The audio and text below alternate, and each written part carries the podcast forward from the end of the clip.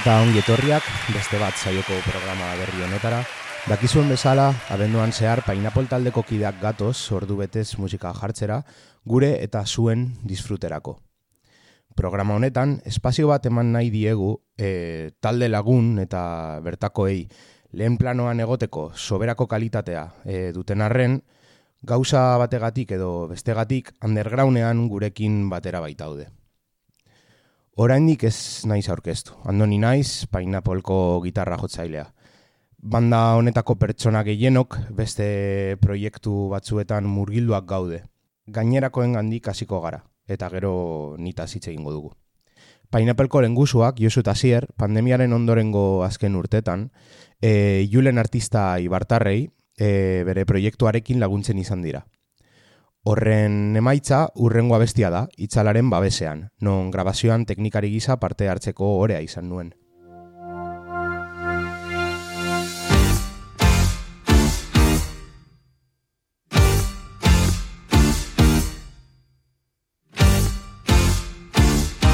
Zenbat miresten zaitxudan,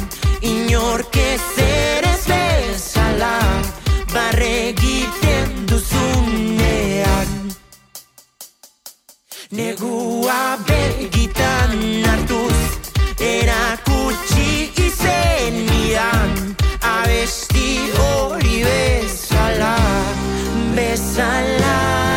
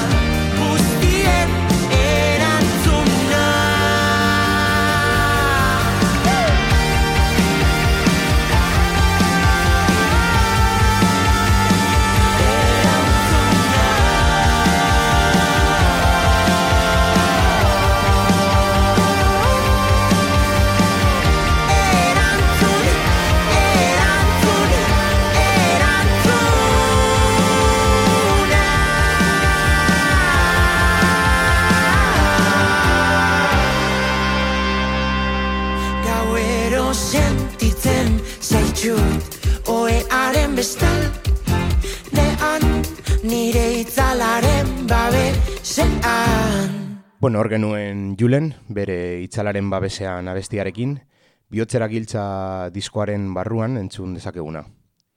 Josurekin, gure bateria jotzailearekin, jarraituko dugu. Orain bere beste taldea entzuko ditugu. E, slide da jen izena.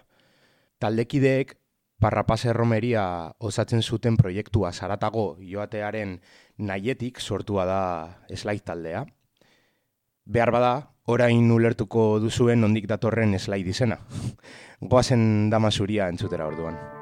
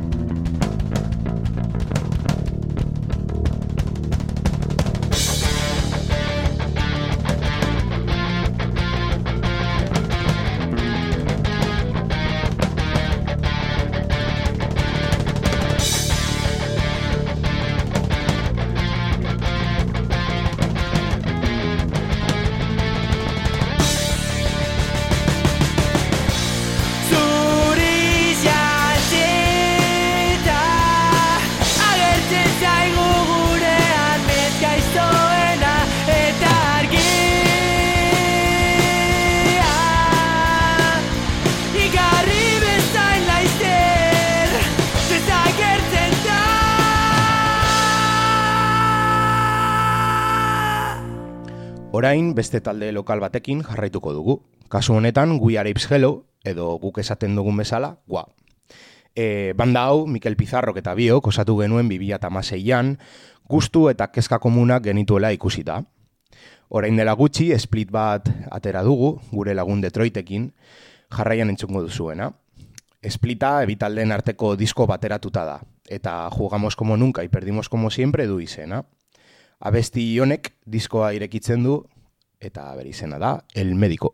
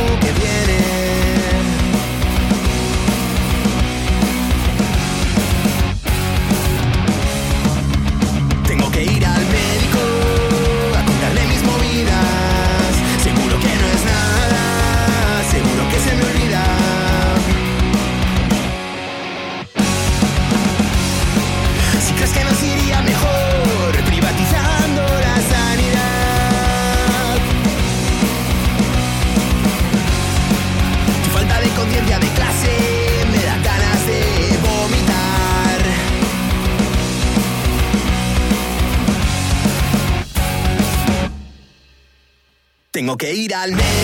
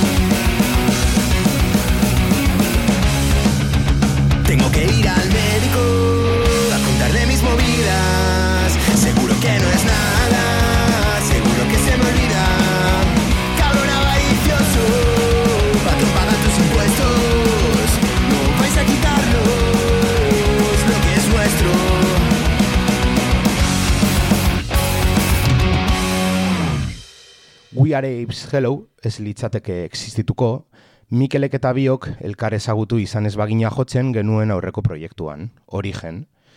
Origen, e, hardcore metal banda bat da, ibilbide luzea duena eta oraindik e, jardunean jarraitzen duena. Bere azken lana, gitarra jotzen entzuna aldi dazue, e, kolapsoa da. Eta aurrengoa bestia kolapso 6F da. Bertan azaltzen da, e, zein mingarria izan zen zaldibarko zabortegiaren erorketa inguruko pertsonentzat eta bereziki, enpresak eta erakundek gaizki kudeatzeagatik eta esku hartze faltagatik hil zituzten bi langileen familiarentzat. Hau da kolapso 6F.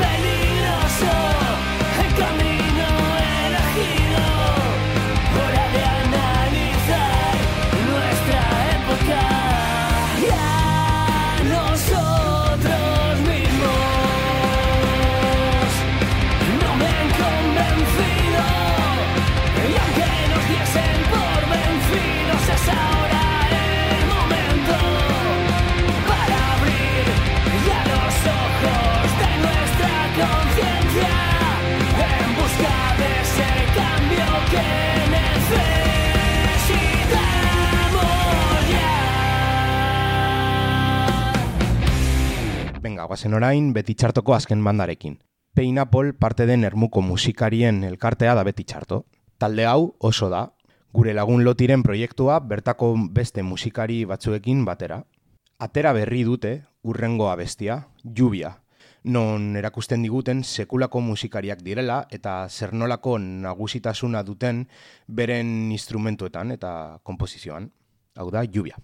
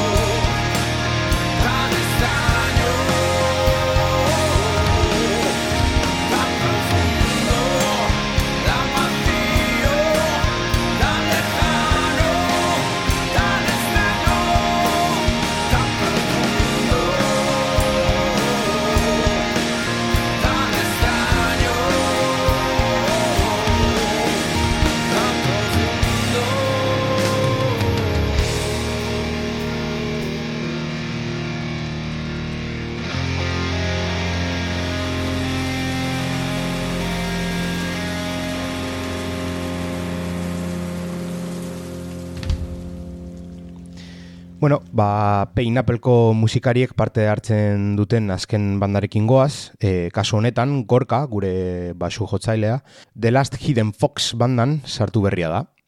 Entzun dezagun, Enemy, The Last Hidden Fox.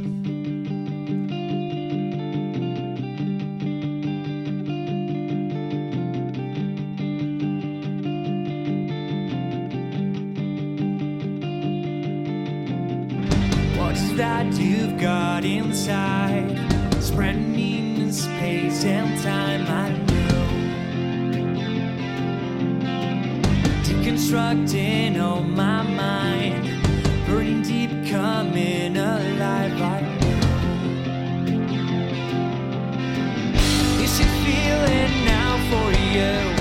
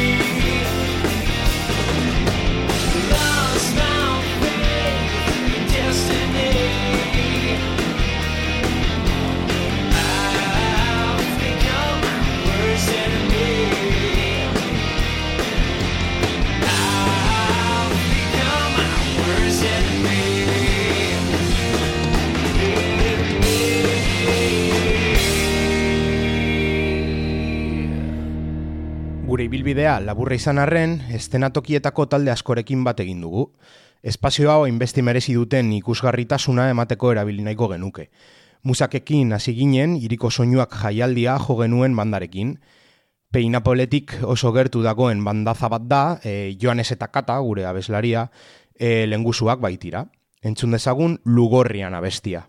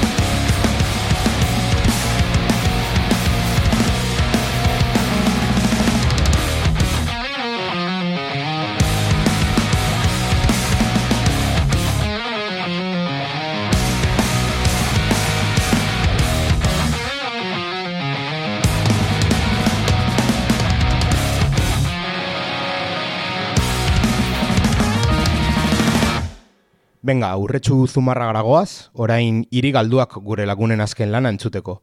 Arakiri.